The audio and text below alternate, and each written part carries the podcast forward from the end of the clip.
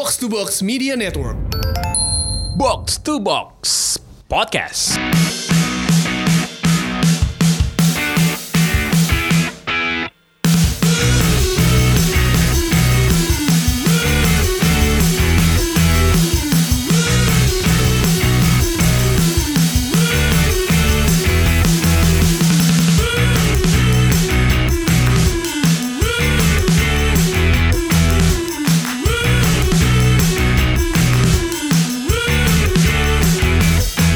Kembali lagi di Box to Box. Gue Pangeran Syahan Ada Coach Justin Laksana. Kita masih berdua aja. Mendingan berdua sih dibanding sendiri Kayak kemarin. Gile Koci monolog. Itu Udah. se- sekali lain dari yang lain. Udah kayak Sujiwo Tejo Jadi dalang ngomong sendirian nih. Tapi sekali aja cukup kok. Garing juga ngomong sendiri. Bingung kan Tapi Coach Justin memang lagi on fire nih. Lagi sering ngerilis video lo kan ya.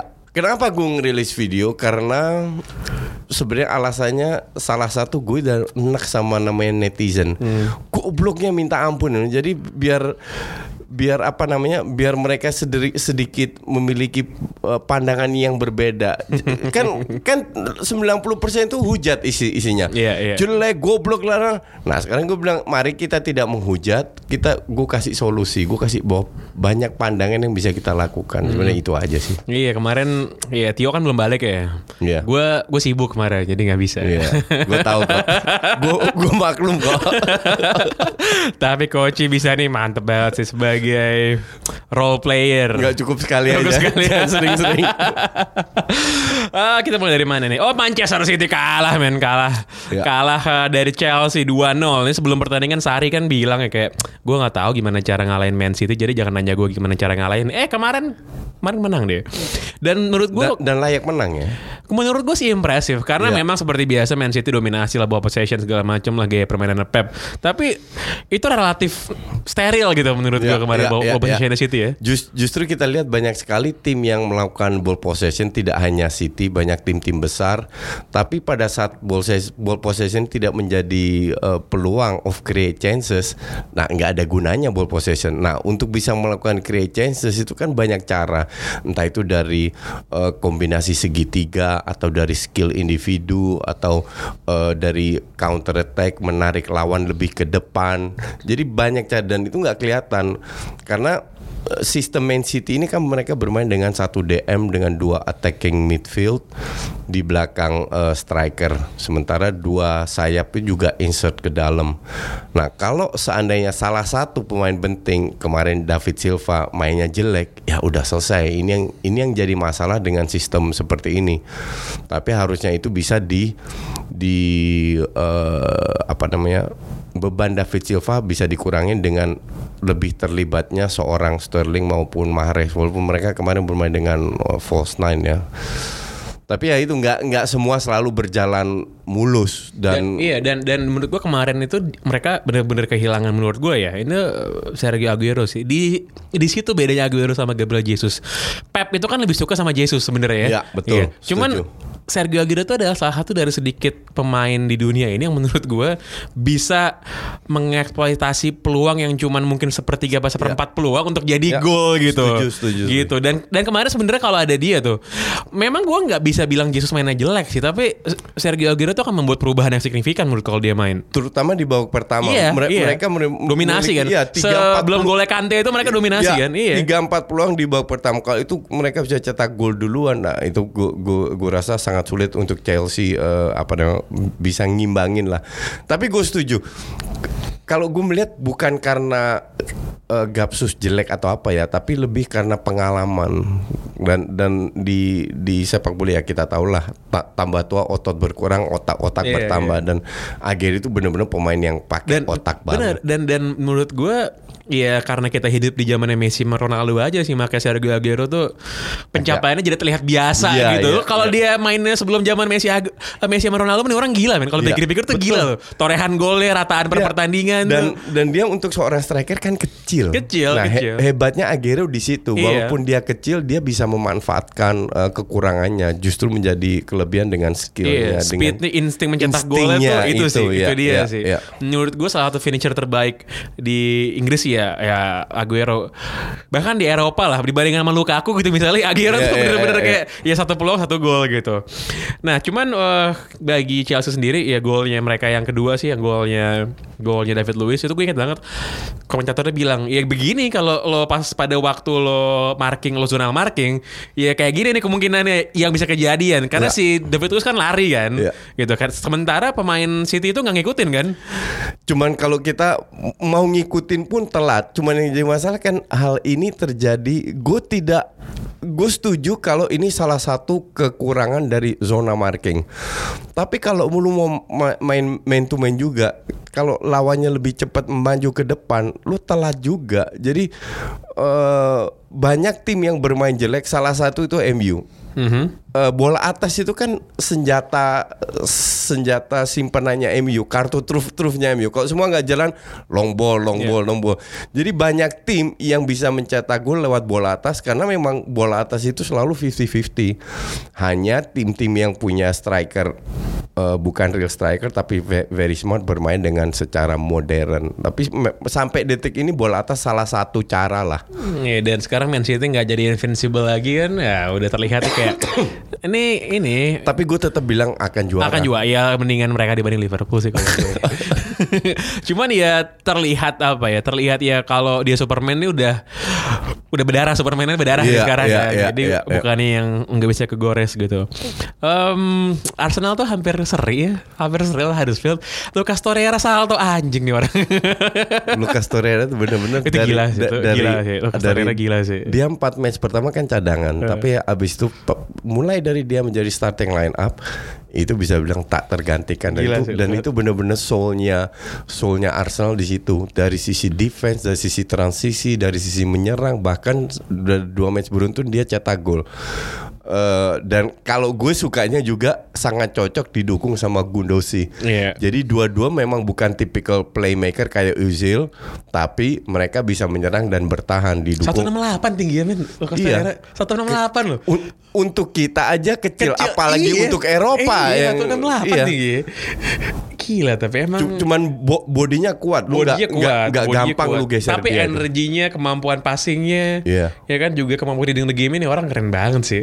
Dan ini yang sebenarnya ya udah lama banget di dibutuhkan oleh Arsenal dan datang dalam wujud Lucas Torreira. Padahal gue pikir nih deadlock nih mampus nih Arsenal deadlock. Li- lima pemain yang didatangkan Arsenal musim ini itu semua punya kontribusi loh. Mhm. Walaupun seorang Lichtsteiner eh, udah umurnya 34 35, tapi at least pada saat dia main dia punya kontribusi bahkan Ben Leno. Jadi inilah sat- sa- salah satu kelebihan Emery dibanding Wenger bahkan dibanding Mourinho pada saat mereka beli pemain langsung bisa memberikan nilai tambah. Lu lihat Mourinho belinya Fred, Dalot, Bailey, Eh. cadangan semua. Fred kemarin main step over loh.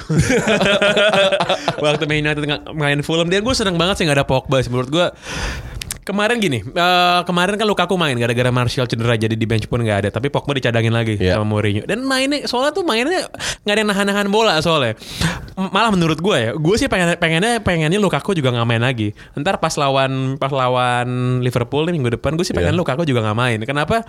Karena kalau yang main bukan Lukaku itu ya begitu ngepres tiga tuh di depan tuh, itu bener-bener ngepres. Iya. Pas lawan Arsenal lah. Betul. Lawan Arsenal babak Betul. pertama atau 15 menit pertama lah kan ngepres. Tapi kalau Lukaku beda. Kalau ada Pogba lebih caur lagi. Tapi yang ke mana highlight jadi man of the match itu si Diogo Dalot sih. Sebenarnya kalau gue bilang ini ini salah satu plus poinnya dari Mourinho, dia tidak peduli eh, pemain bintang siapa. Pada saat lu main jelek, lu dicadangin. Cuman yang jadi masalah kalau terlalu banyak yang main jelek. Nah, kenapa?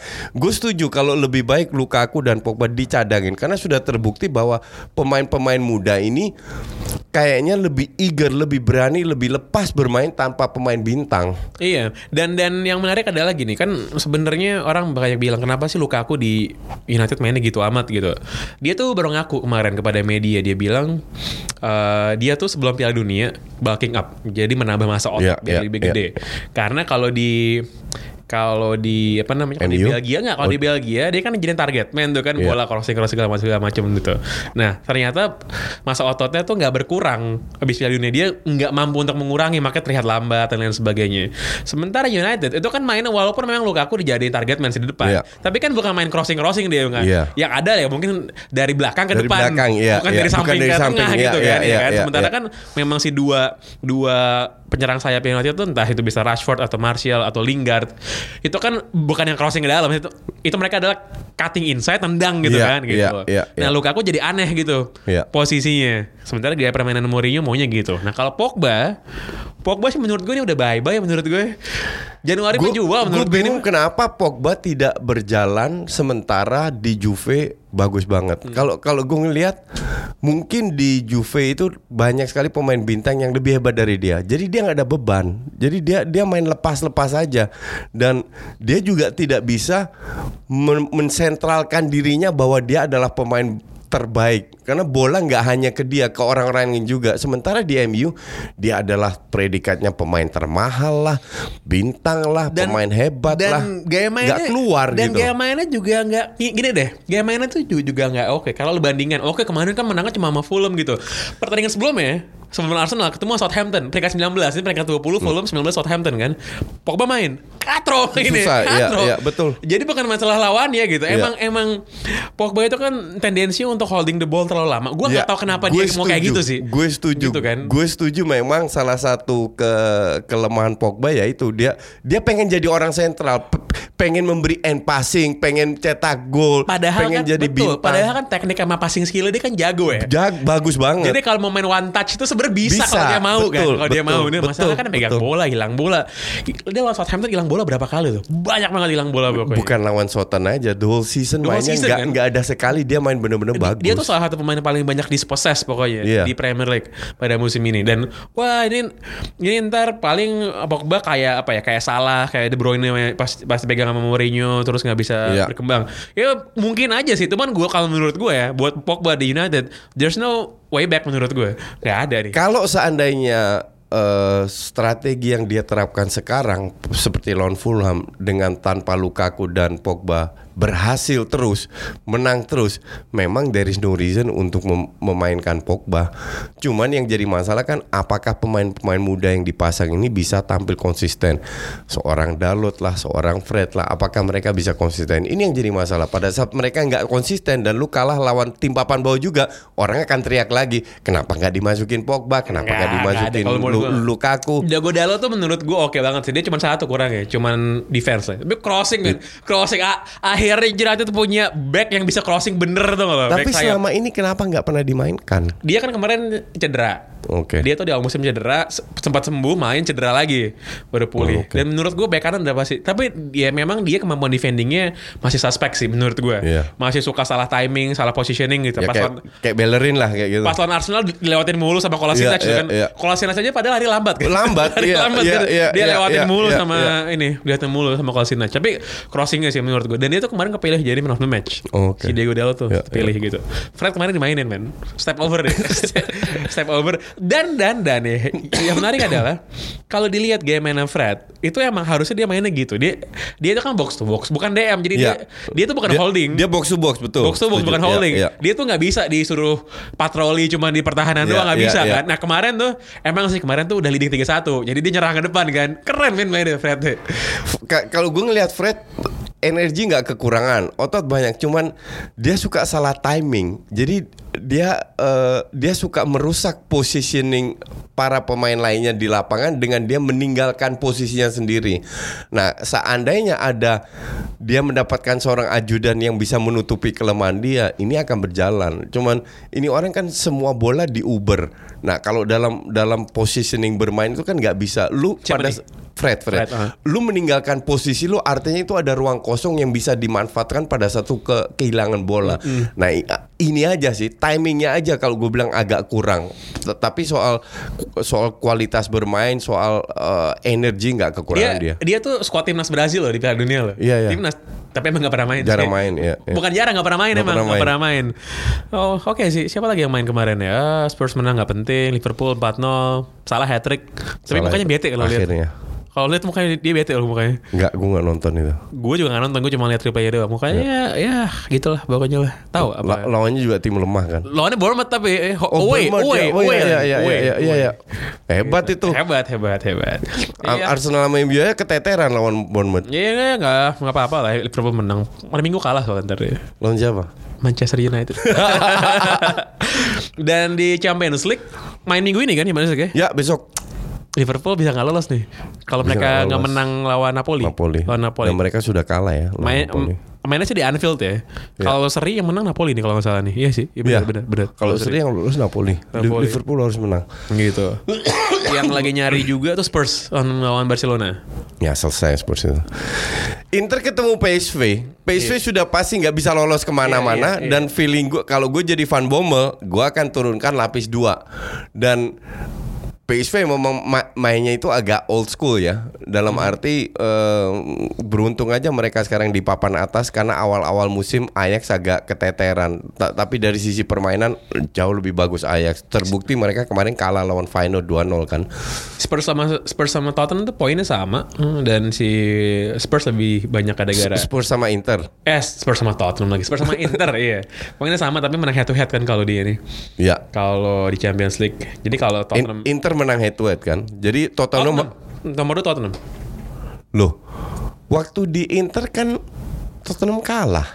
Tottenham menang 1-0 sama Inter. Oh menang. Menang 1-0 pas main di Spurs. Oh main di Spurs, Main di Spurs menang. menang, menang. Kalau nggak salah tuh pas main di Inter Inter tuh seri. Seri apa ini ya? Lupa gue. Apa kalah juga ya? Gue gue lupa. Yang yang pasti yang nomor 2 itu Tottenham dulu. Tottenham baru Inter. Tapi gue nggak yakin Spurs bisa menang Spurs di harus Barca. menang lawan Barcelona sih. kalau di Barcelona ya. Barcelona, iya. harus menang Nggak. Nah. mungkin itu masalah harga diri aja nggak mungkin. Paling top kalau bisa seri. Mhm. Itu udah udah bagus banget kalau kalau kalau Spurs bisa nahan Gue seri. baru li- gua, gue baru lihat nih grupnya grupnya ini grupnya Champions apa grupnya Liverpool. Peringkat pertama itu Napoli 9, PSG 8, Liverpool 6. Emang harus menang mereka. Emang harus menang. Emang harus menang seri aja nggak lolos. Dan PSG pun minimal seri juga ya. Dan dan dan dan Liverpool harus menang selisih 2 gol. Oke. Atau Napoli nggak golin. Begitu Napoli golin satu, mereka menang away goal. Iya. Iya, iya, iya, iya, iya, iya. Soalnya menang 1-0 kan pas Iya. main di pas main di Sao Paulo kan. Apalagi kalau PSG menang. Oh, iya. Ta- tapi Liverpool sama Napoli nggak menang loh di Red Star. Iya.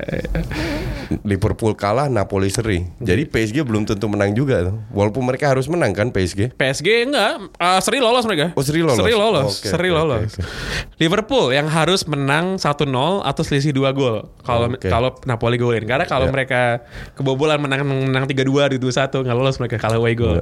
Bahagia deh gue lihat.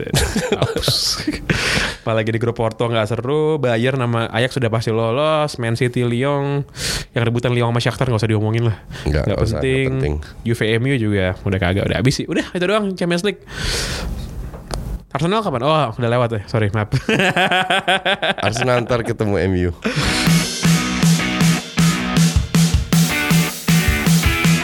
Final Copa Libertadores nih lambang supermasif klub di Asia Amerika Selatan. Amerika Selatan digelar 6000 miles dari Amerika Selatan di Madrid. Jadi lucu sih. Karena kan si Copa Libertadores ini di dinamai berdasarkan kemerdekaan South Amerika Libertad. Libertad kan Iya. kemerdekaan eh, negara-negara Amerika Selatan dari para penjajah. Dan penjajah itu orang Spanyol. Spanyol. Finalnya digelar di Madrid. Ironis banget sih. Dan setelah akhirnya nggak jadi-jadi dan setelah hampir batal lagi karena diprotes sama River Iya, Plate iya, kan, iya. akhirnya digelar juga tuh di Santiago Bernabeu. Eh, dan River menang. Menang berapa mereka? 3-1. 3-1. Mereka menang 3-1. Iya. Eh, lo nonton game ya? Gue Ya. gue sih ketiduran Gue kan gue nonton. Jadi kalau di babak pertama gue bilang itu Boca unggul. Permainannya itu lebih kayak Eropa lah. Cuman passingnya itu kalau gue bilang jelek banget ya. Asli jelek. Dan yang bikin gue agak amazed kedua tim itu gila nge gue belum pernah lihat tim yang termasuk papan atas dunia kan ini yang bermain begitu keras dan keras itu benar-benar sengaja untuk mencederai dua kaki atau eh, Oh iya, kayak gitu. ya kaki. wah parah. Kerasnya kerasnya udah nggak nggak nggak nggak profesional lah. Terus divingnya disentuh dikit udah kayak kayak ditusuk 10 kali gitu. Diving sama main sinetron. Jadi pada saat Boka unggul duluan dan layak unggul eh, semua main sinetron. Semua pemain Boca disenggol dikit jatuh ber- sampai kiper-kipernya.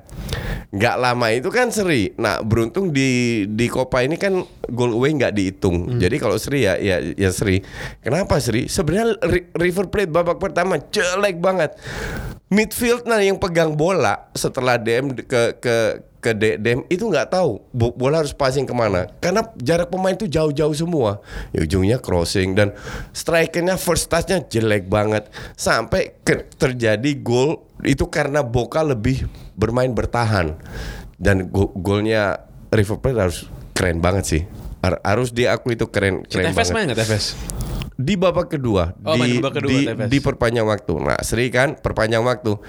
Eh kena kartu merah. Nah, dari Yang si- kartu merah siapa? Boca Junior. Oh, Boca, ah. Dari situlah mereka keteteran di Uber abis di apa namanya? ditekan abis-abisan. Dapat gol 2-1 kan. Nggak lama kemudian satu pemain Boca cedera keluar. Udah pergantian Udah pemain 10, udah habis. 9 ya? Sekarang 9 pemain, man. Akhirnya udah udah dua dua satu kan mereka ngepres. Akhirnya ya main oportunis bola-bola panjang kipernya ikut ke depan. Ya udah kiper ikut ke depan selesai lah.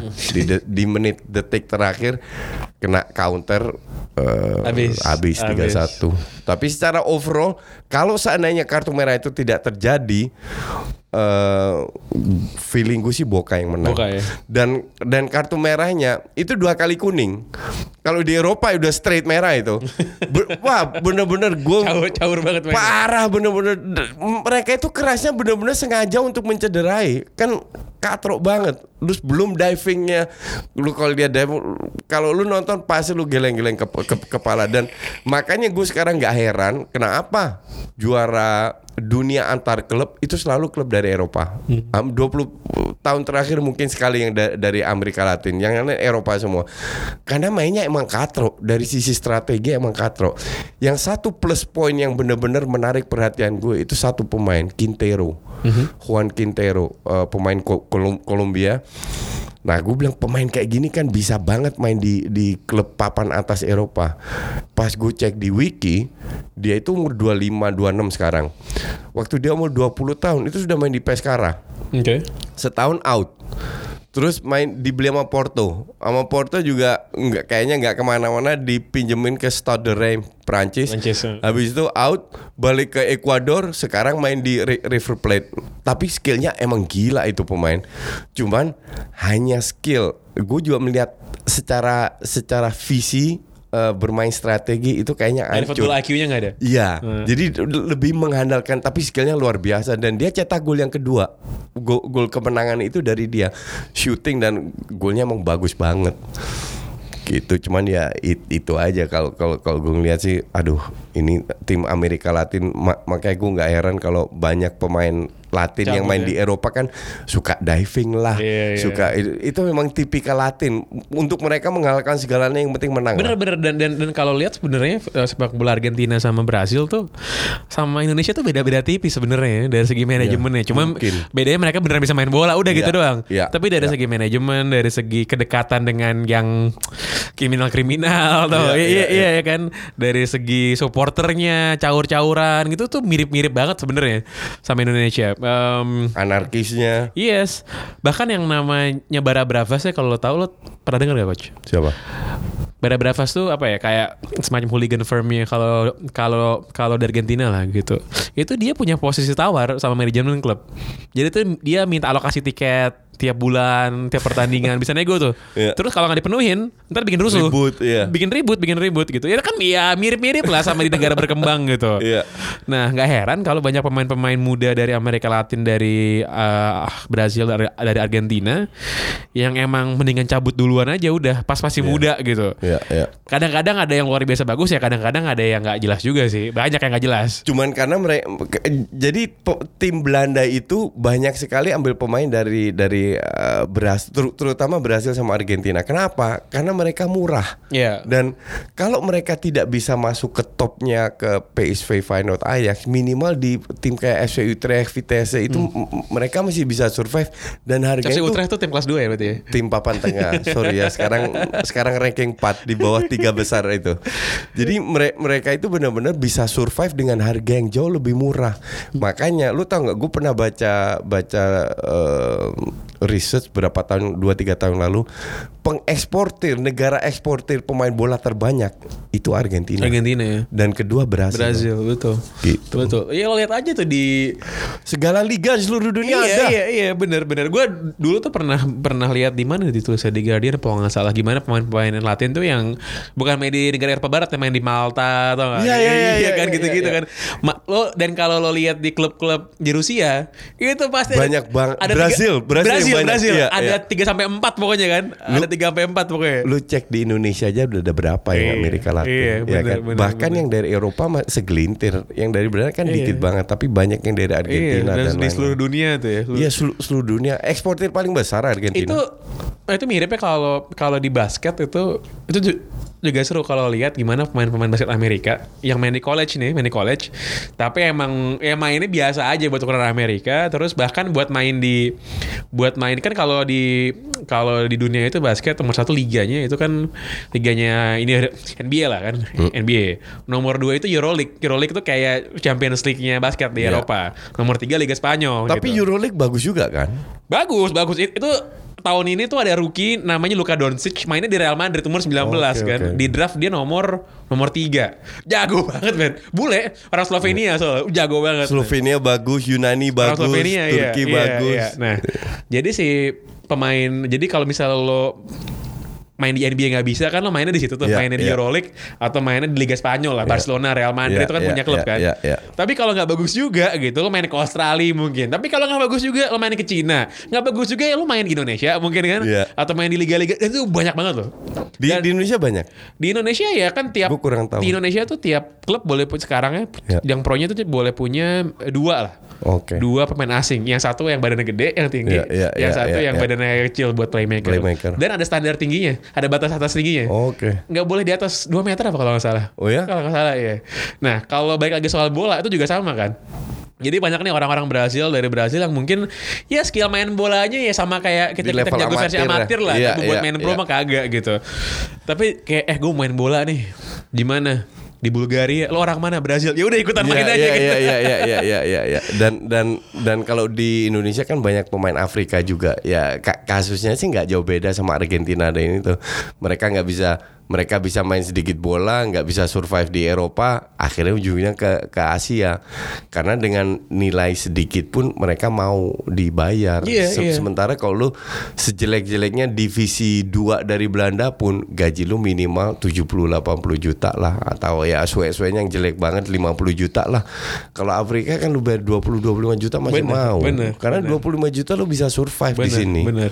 Itu sih ekspor ini, ekspor pemain bola tuh kayak di Inggris juga ada tuh kayak, iya menurut gue sih sekalian mereka ini, sekalian mereka mencari jati diri dalam hidup kali. Jadi kayak orang-orang Inggris nih bule-bule ini yang bi- bisa main bola di, di Nepal gitu tau gak? Iya, iya. kan, kan ada aja kan orang kayak gitu Ya, kan. kayak kayak Peter Butler atau siapa Yang main di Asia kan? Ya itu Iya. kan yang nggak ngetop sama sekali Iya. di di di sana akhirnya Kayak itulah kayak pelatih Bayangkara atau Scott McManamy gitu. Iya, iya. Di Inggris memang ada yang kenal sama dia. Eh, nggak, nggak ada yang kenal gitu. Lo tahu pelatih PSM Rene Rene Alberts, Rene ya. Albert itu, itu nggak pernah ngelatih di Belanda. Nggak pernah ngelatih di Nggak Belanda. pernah. Di di Asia doang. Di Asia doang Iya. ya. Kalau yang pernah ngelatih di Asia Tenggara, lalu punya capital gede tuh ya secara nama gitu di Inggris. Tau gak siapa tebak? Yang paling gede namanya. Nggak tahu. Peter Witt man. Oh iya Peter, Peter Witt Witt. itu Aston Villa. Aston Iya. Villa. Golnya menang Champions League golnya dia tuh. 82 main di Feyenoord. Lawan Bayern Munchen kan? Iya, Yang lawan iya, Bayern iya, Munchen iya, Champions League, iya. iya, iya. Cuman cuman dia doang gue rasa. Kalau lihat yang ngasing-ngasing lain kayak misal Alfred Riedel gitu atau siapa tuh yang Alfred itu siapa? Eh, Nggak ada yang kenal iya. di Eropa. Iya. Yang paling tinggi yang paling tinggi capitalnya ya, Ya, social Peter capital Witt. Peter Witt. iya. Atau dulu pelatih Thailand ya si Brian Robson lah gitu kan. Iya. Udah, Tapi selain itu nggak ada men. Ya sekarang ada Sven Goran Eriksson, ada ada Sven. Goran Eriksson gitu. Gitu. Lucu sih ngomongin dia para pemain bola yang nyebar ke mana. Gue gak tahu kalau orang Belanda ada gak sih yang di tempat yang aneh-aneh gitu. Ya selain Banyak. Ya selain kawan kita yang di Makassar itu ya. Enggak kalau kalau kalau orang Belanda banyak banget dan di seluruh di, di Afrika itu banyak. FC Utrecht itu punya punya sekolah akademi itu di Afrika. Di Afrika? Di Ghana. Heeh. Jadi si pem- pemiliknya memang invest di situ untuk Ajax kan kerjasama pu- punya Ajax Cape Town. yang di Afrika Selatan. Afrika iya, Selatan iya. ya. Terus sama di di berhasil sama sama Argentina mereka banyak. Fi- Philips dapat Ronaldo gendut Hmm. pertama kali kan eh, PSV dapat Ronaldo gendut dengan bantuan Philips. Oh, Philips. Hmm. Philips Brazil. Philips Brazil yang yang membantu dana atau apa biar Ronaldo bisa main di PSV. Oh gitu ceritanya. Iya. Jadi ka- karena simple karena mereka murah. Hmm, iya, iya, iya sih bener juga sih. Karena eh, kalau buat buat kalau buat kalau buat Latin Amerika tuh emang ekspor pemain sih, ekspor talent gitu. Kayak ini deh. Dan dan secara psikologis kalau lihat oh main bola orang Brazil orang Argentina jago nih. Sama kayak gue pengen cari gue pengen cari programmer nih ada nih orang mana orang India gitu kan. Iya iya pasti betul. udah udah pasti jago nih gitu kan. Kalau IT India Iya, pasti iya, jago. iya, kan, Iya, pasti iya, jago nih. Bener sih. Lu kalau lihat Ta- Tagliafico itu back kirinya timnas Argentina eh, kapten kedua setelah Messi. Itu main di Ajax. Di Ajax dibeli. Masih di Ajax? Masih masih sampai sekarang. Udah 2 3 tahun di Ajax.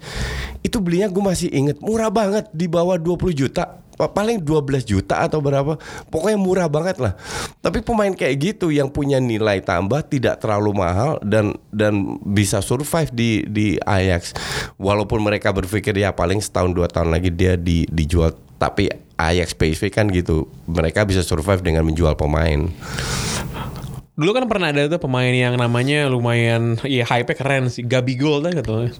Iya, iya, iya. Gabigol eh, Inter Gabriel Barbosa kan. Iya Eh, Na- nam- Namanya doang Namanya itu jeprut tuh ya kan. kan kan dua-dua dua-dua Gabriel satu ke MCT satu ke Inter Iya iya iya. yang Gabriel Jesus berhasil, yang Gabi Gabi gol Internya nggak tahu Coba ke mana kita lihat itu. si Gabriel Barbosa ini ada di mana sekarang. Soalnya dia tuh jenggotnya mantap, man. jenggotnya tuh rapi banget. soalnya. Dia balik ke Brasil kalau nggak salah. Gabriel Barbosa umur 22 in, di Inter. Oh dia masih Oh masih, masih pemain Inter statusnya. tapi dipinjemin. Tapi dipinjemin ke Santos, Oh, ke tim oke. ke tim masalah dia. Iya, iya. Gitu. Di Inter 9 kali main satu gol, katro banget.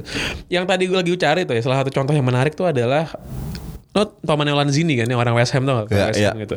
Lanzini pemain timnas Argentina. Pemain, pemain. Yang menarik kan lagi nih, dia tuh 2010 sampai 2014 main di River Plate. Oke. On loan ke Fluminense, klub Brazil, Iya. main gitu. Klub berikutnya nih yang menurut gue bikin gue jadi bertanya-tanya gimana bisa nyampe sana. Dia main di Al Jazeera di Abu Dhabi. Oke. Gitu. Jadi dari pemain River Plate gitu ya, terus dia pindah tuh aneh banget menurut gue. Gimana Iya. ceritanya bisa mendarat di Abu Dhabi padahal dia pemain dia pemain River Plate. Ini pasti ada yang macam-macam nih kan. I- iya nggak menurut Iya lo? iya iya iya iya kan? iya. Dan di di Abu Dhabi dan lain-lain itu kan banyak pemain Brasil, pemain Banyak, Argentina banyak. juga. I- kan- karena mereka lebih impress dengan permainan Brasil yang Jogo Bonito lah Iya, kayak, gitu-gitu. kayak, kayak gue ada inget banget tuh pemain Qatar dulu satu yang orang Brazil tuh gak? Ada teman yang orang Latin lah pemain Qatar tuh. Oh, gue nggak tahu. Ada ada ada ada ada. Dan dan ya lucu sih kalau melihat yang langsung namanya besar gitu ya kayak siapa ya? Ya kayak Gabriel Jesus lah dari dari mana dia? Dari Palmeiras kalau nggak salah ya. Dari Brazil langsung ke Man City. Atau Sergio Aguero tuh awal ke mana? Atletico dulu ya? Apa ada klub sebelumnya lagi deh? Eh, gue nggak tahu. Iya, itulah. Jadi pas dia nyampe ke Eropa tuh langsung dapet tim gede. Tapi kalau Iya. kayak Lanzini gitu kan nyampe ke Padang Pasir dulu baru pindah tuh Dia di WSM lumayan kan? bagus, bagus. Dia dia mah dia kan gelandang serang soalnya. Ya pemain timnas Argentina dia. Hmm. Soalnya kan kalau dulu, kalau dulu tahun 90-an tuh udah pasti kalau lu jago di Amerika Latin, lu ke Italia udah pasti udah. Iya. Pasti ke Italia kan mau orang apa pun pas, eh, pas main ke Italia sekarang ya orang kalau Latin yang paling aman buat mereka kalau nggak ke Spanyol, ke Portugal karena bahasa soalnya kan. Karena bahasa ka- bukan karena hanya bahasa karena budaya. Dan budaya juga Bu- iya, budaya sama hidupnya budaya iya, sama. Iya. Dan makanan juga beda. Makanya mereka kurang kurang banyak ke ke ke Belanda dan ke atas Bela- Belan- Belanda Jerman kecuali memang kalau dari tim-tim besar nggak ditawar, nggak Iya, diminta. iya, iya. Yang minta hanya Ajax dan teman-temannya, baru mereka pilih ke Ajax gitu. Mm-mm. Soalnya dulu banget kapan zaman United punya Veron tuh. Veron kan flop hitungannya kalau di MU kan. Terus punya pemain Latin Veron lain. di Italia kan bagus. Bagus, bagus. Dia dari Parma ke Lazio Iya. bagus, bagus. Tapi kayak Veron di United terus siapa lagi ya dulu ya. MU punya pemain Latin jarang sih. Sebelum Rafael sama Fabio tuh ini apa? Gabriel Henze. Yang Iya. orang yang orang Argentina, cuman dia bentuknya bule sih. Jadi kayak Heinz mah cukup bagus kan dulu di di MU. bagus. Terus dia minta pindah ke Liverpool, langsung dibekukan sama orang. Iya kali lo pindah pindah pindah pindah ke Liverpool, langsung dibuang sama si ini, langsung dibuang sama Ferguson. Iyalah. Lo, lo ya mungkin Lagian mungkin orang yang lebih nggak suka sama Liverpool lebih dari gue mungkin cuma satu mungkin ya. Mungkin seorang Ferguson. Ferguson. doang sih, sih. Ya, gitu. Kalau di kalau di tempat lain gini deh. Cuman yang gue bingung adalah para pemain bola ini. Kalau misalnya yang dari Latin gitu kalau orang Argentina orang Brasil kan oke lah jelas capital tapi yang lain tuh gimana ya? Kayak orang Chile orang orang Uruguay gitu. Mere- mereka Orang penduduk kalau lu bicara Uruguay dan itu kan pen- penduduknya dikit. Dik- dikit banget. Uruguay kecil negaranya. 6, juta doang. Peru pun nggak jauh beda. Chili mungkin agak banyak, cuman juga nggak nggak terlalu banyak yang dominan kan lebih Argentina dan tapi gue rasa eh, dari sisi jumlah mereka kalah, tapi mere- mereka juga me- mendunia dulu lihat berapa banyak pemain Chili di di sini lah. Kalau soal Uruguay itu menarik karena beberapa be- apa, beberapa studi selalu bilang nggak ada negara yang jumlah populasinya paling sedikit di dunia ini secara rasio ya Iya. eh, perbandingan jumlah jumlah populasi sama jumlah pemain bola. Pemain bola, yang ya. prestasi pe- pemain dan timnasnya sebagus Uruguay gitu. Iya, betul. Iya kan? Setuju. Nggak em- emang emang emang lucu sih karena di tempat lahirnya siapa tuh? Pokoknya si Cavani Mas Suarez tuh lahirnya bareng di satu kota. Bahkan tahun yang sama cuman beda rumah doang lahirnya. Iya. nggak tahu gue. Iya, gue lupa nama kotanya apa. Itu satu kota isi pengen jadi apa? Pengen jadi pemain bola. Cuman yang kalau gue yang bikin gue amazed semua negara yang kita kenal negara top pasti ada dropnya Belanda berapa kali drop Perancis sebelum Piala Dunia drop juga Jerman Iya. eh, itu se- semua pak Inggris semua mengalami hanya satu yang nggak drop Brazil Brazil ya. Iya. Brazil itu mau gimana pun tetap aja selalu lahir banyak pemain bola yang hebat yang teknis dan lain-lain Sekali-sekali Brazil drop, hampir nggak lolos Piala Dunia 2002, men. Hampir nggak lolos itu mereka. Mereka tuh lupa gue playoff apa peringkat terakhir lah pokoknya di ini yang lolos ya. Tapi pas main Piala Dunia juara. Nah, itu. Iya. dan dan dan sampai detik ini gue bingung kenapa bisa seperti itu. Mereka selalu melahirkan banyak pemain bagus. Iya, emang dipilih sama Tuhan aja sih kayaknya sih. Atau itu budayanya atau ge- gennya. Iya itu menurut gue ada ada hubungannya sama genetik sudah pasti sih kalau itu. Cuman ya untuk dapet tim Brazil yang kayak 2002 sih emang susah lagi sih. Iya. Ya oke, kalau kalau bicara lack of generation pasti ada lah. Kayak kayak Brasil sekarang yang hebat siapa sih? Paling Coutinho sama Neymar doang, ya kan? Yang lain so-so. Cuman still mereka tetap bisa perform gitu. Beda dengan negara lain kalau Jerman, Perancis, Belanda, Inggris, kalau emang lagi jelek nggak ikut. Iya, emang iya, katrok iya, banget. iya, iya. Tapi Brasil selalu ikut. Karena kualifikasi zonnya juga ada pasti Ya, itu. mungkin, mungkin. Gitu kan. Gitu. Argentina selalu lolos eh, oke, Copa nggak pernah menang mereka kan. Iya. Kalah mulu kan Copa. Iya, iya, iya. Kapan terakhir kali coba mereka juara Copa udah lama banget tuh enggak tuh. Ter- Terakhir kalah adu penalti kan lawan Chile. Sama Chile 2015 tuh kalah Iya, sama iya. Chile. Gitu. Ya sekian dulu box box untuk episode kali ini. Em, nggak ada lagi yang kelewat kan? Hari, Ya hari Jumat Tio sudah hadir. Ah, iya, kita akan membahas kira-kira menang berapa nanti Man United di Anfield hari Minggu. Kayaknya sih injury time nih coach. Vela ini injury time. Ya, Terus gua- tiang jauh tandukan. Gue berharap sih seri. Bagus untuk Arsenal. Dadah.